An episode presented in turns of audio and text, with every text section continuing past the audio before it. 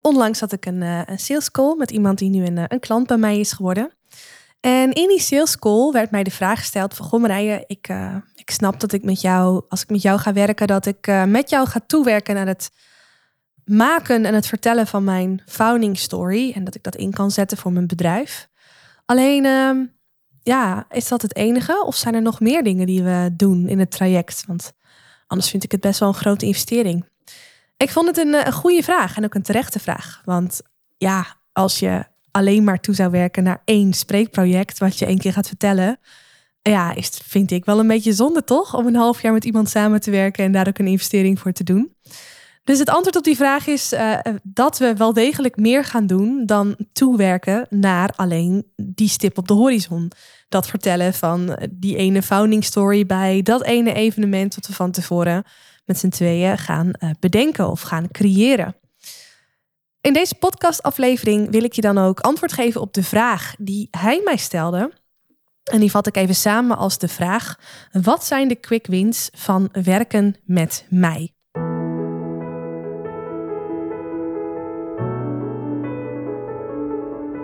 Mijn naam is Marije Wielenga. Is presenteren voor jou van essentieel belang om succesvol te zijn? Zakelijk, publiekelijk of persoonlijk? Dan is deze podcast Stralend Presenteren voor jou. Als Nederlands kampioen in speechen daag ik je uit om boven de saaie zakelijke presentatiestandaard uit te stijgen. En meer dan dat nog om boven je eigen standaard uit te stijgen. Blijf luisteren om te leren hoe.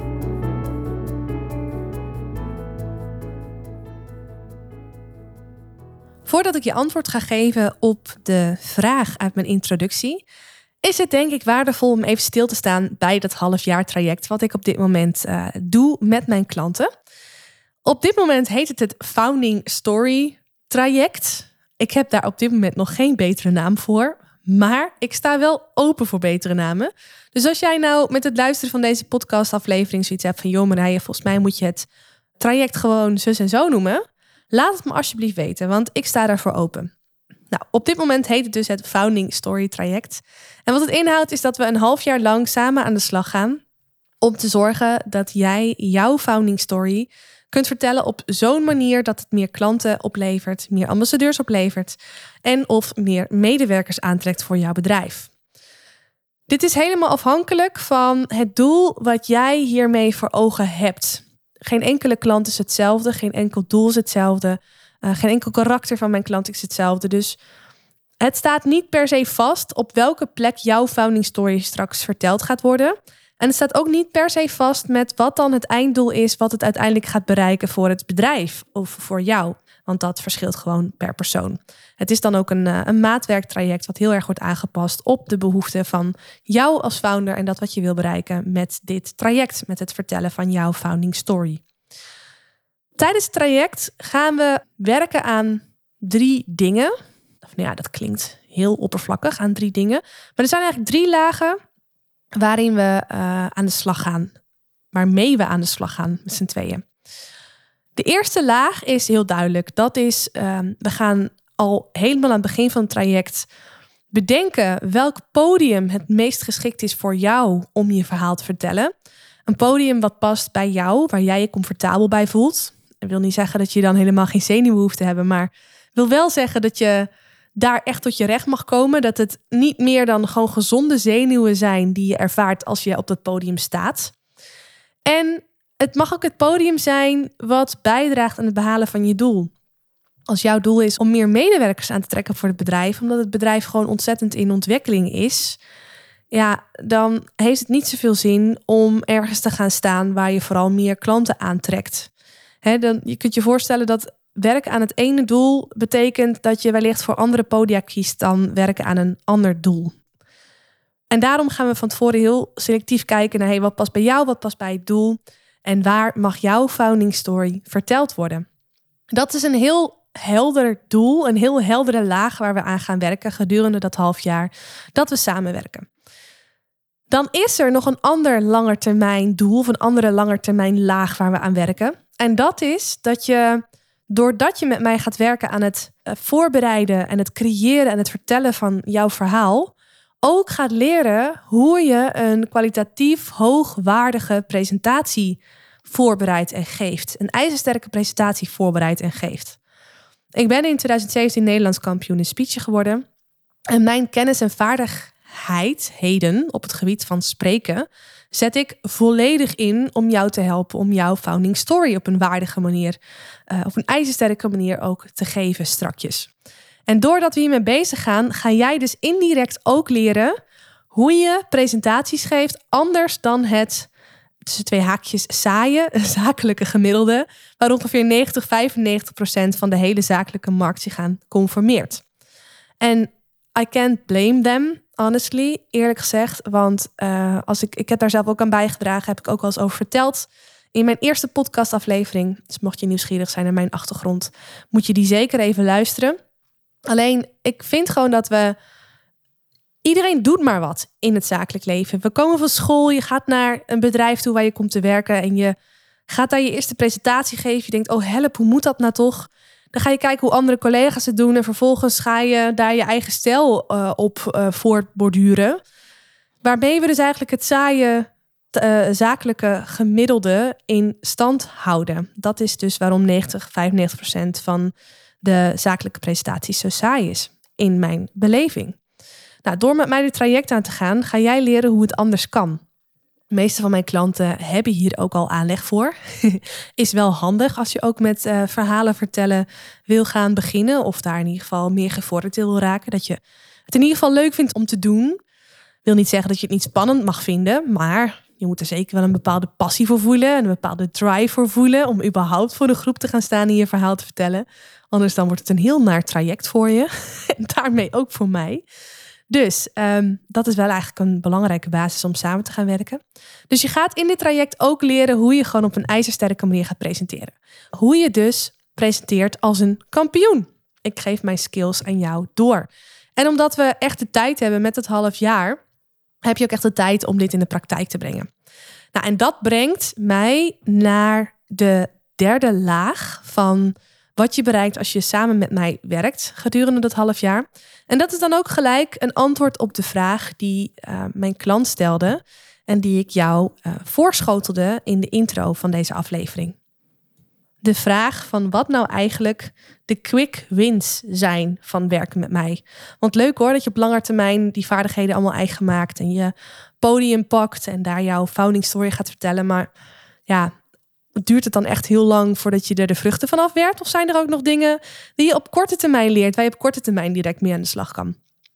Die quick wins, die zijn er wel degelijk. En die kan ik als volgt met je delen. Heel praktisch gezien komt het erop neer dat we al op de heel korte termijn samen verhalen gaan vangen, verhalen op waarde gaan schatten en dat ik je leer hoe je die verhalen in kan zetten. Want je zult begrijpen, jouw founding story is niet één verhaal. Het is een aaneenschakeling van gebeurtenissen, van lessen, van thema's die op jou van toepassing zijn. En die passen bij de boodschap die je jouw publiek wil vertellen. Welke boodschap dat is en welke verhalen er precies in passen om ook echt een soort lezing te kunnen geven. Ja, dat is iets waar we voor de lange termijn mee bezig gaan. Maar wat je niet moet onderschatten is hoeveel goud er zit in ook de kleine verhalen die jij te vertellen hebt. En dan kom ik eerst even op dat eerste stukje terug. Want de meeste founders hebben zelf, als ze bij mij komen, nog niet door wat het goud precies is wat ze te vertellen hebben. We gaan daarom in eerste instantie vooral ook bezig met het vangen van verhalen. Ik laat mijn klanten altijd heel erg veel uh, aan het woord, omdat ik zelf wil horen wat eh, de gouden nuggets zijn die zij te vertellen hebben.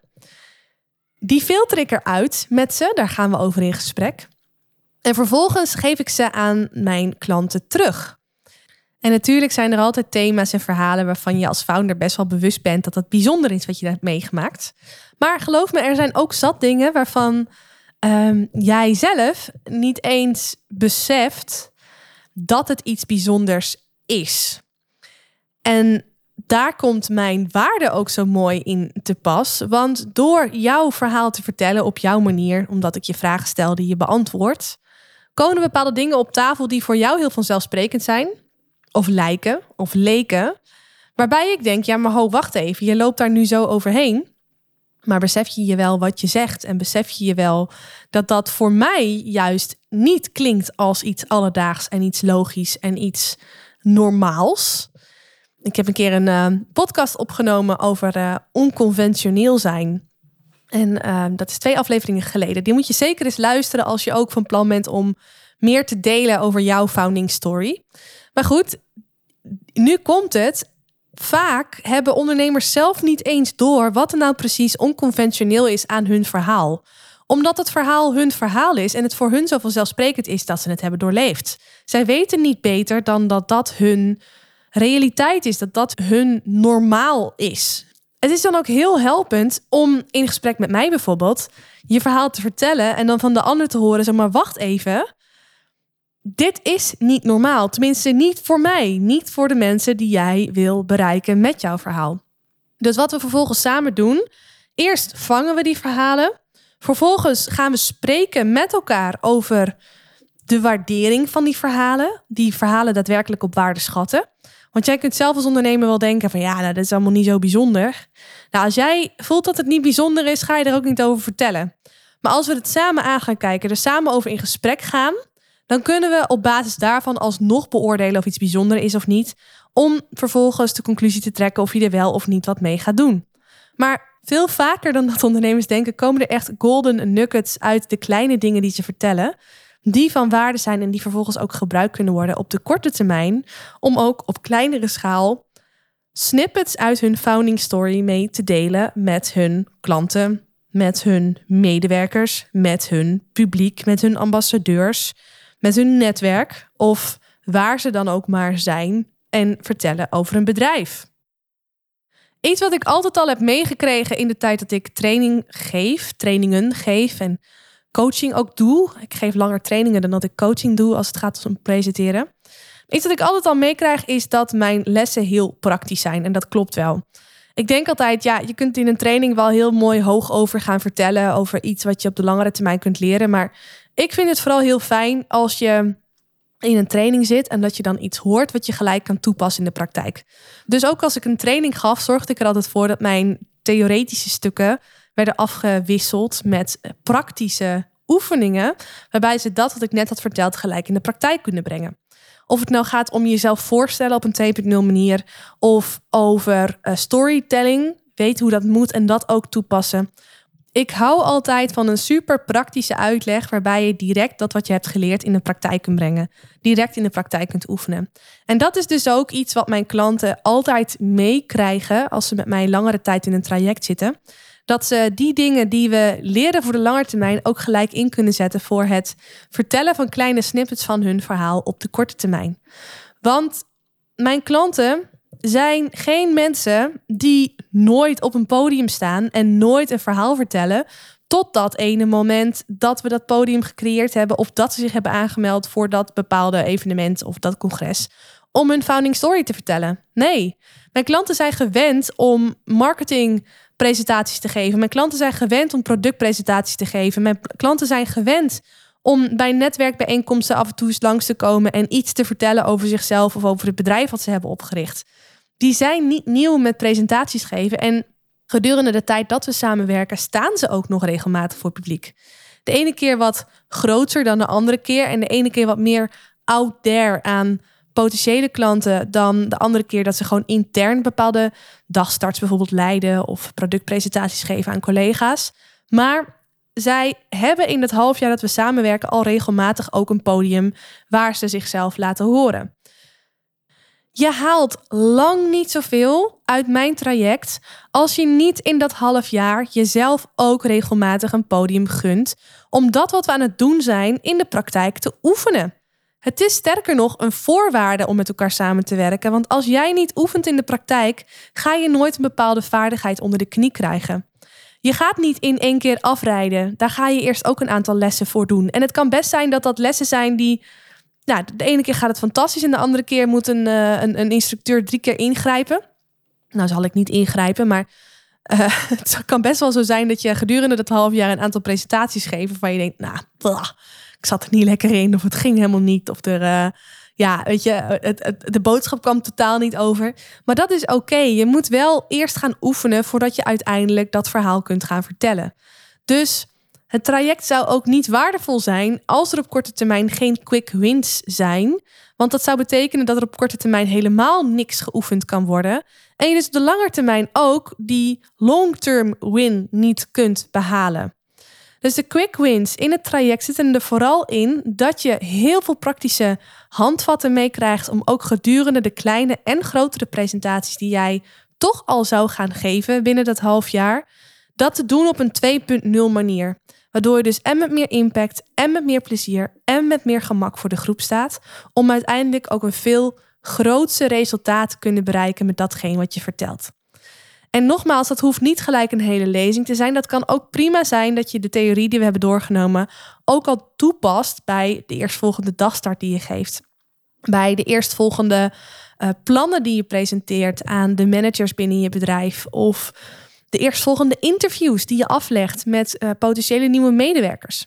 Wat voor presentaties je ook geeft, gedurende het traject, zou je ze niet voldoende hebben, dan ga ik je aansporen om toch voldoende gelegenheden te creëren om ook die quick wins op de korte termijn al te kunnen incasseren. Dat is nodig om op de lange termijn een ijzersterke, knalgoede founding story te kunnen presenteren op dat podium waar jij het beste tot je recht komt en dat podium dat het beste bijdraagt aan het behalen van dat doel wat jij wil bereiken met het doorlopen van het traject met mij. Eigenlijk zeg ik hiermee dus dat je zonder die quick wins op de korte termijn, waar je gedurende het half jaar al veelvuldig mee aan de slag gaat, niet kunt bereiken wat ik met jou voor ogen heb na dat half jaar, namelijk het stralende middelpunt zijn op dat podium wat voor jou het meest geschikt is om jouw founding story te kunnen vertellen. Zonder quick wins geen langetermijn resultaat. Heb jij deze aflevering geluisterd en ben je nieuwsgierig geworden naar mijn traject om samen te werken aan jouw founding story? Ben je benieuwd wat voor perspectief ik zie voor jou wanneer jij jouw ondernemersverhaal gaat delen aan het grotere publiek, met het grotere publiek? Neem dan contact met mij op, dan vertel ik je daar alles over. En dan kijk ik ook met jou hoe dit traject voor jou het beste werkt. Hoe dit voor jou in de beste uh, mogelijke variant eruit kan zien. Contact opnemen kan via mijn website of via social media, LinkedIn of Instagram. Ik zal een aantal linkjes opnemen bij de aantekeningen in deze aflevering. En dan zie ik er naar uit om, uh, om jou te zien, om jou te spreken, om jouw verhaal te horen en om met jou het goud te filteren uit jouw verhaal. Om zo te zorgen dat je ofwel meer klanten aantrekt, ofwel meer ambassadeurs aantrekt, ofwel meer medewerkers aantrekt voor jouw business. Ik wens je een hele fijne dag en tot de volgende aflevering. Is deze podcast waardevol voor je? Abonneer je dan op mijn kanaal om geen aflevering te hoeven missen. En als je dan toch bezig bent, geef je hem ook even 5 sterren via Apple Podcasts. Zou ik echt enorm waarderen. Dankjewel. Onthoud, je drinkt niet door met woorden, maar wel met het gevoel dat je de ander geeft. Tot de volgende aflevering. Doeg!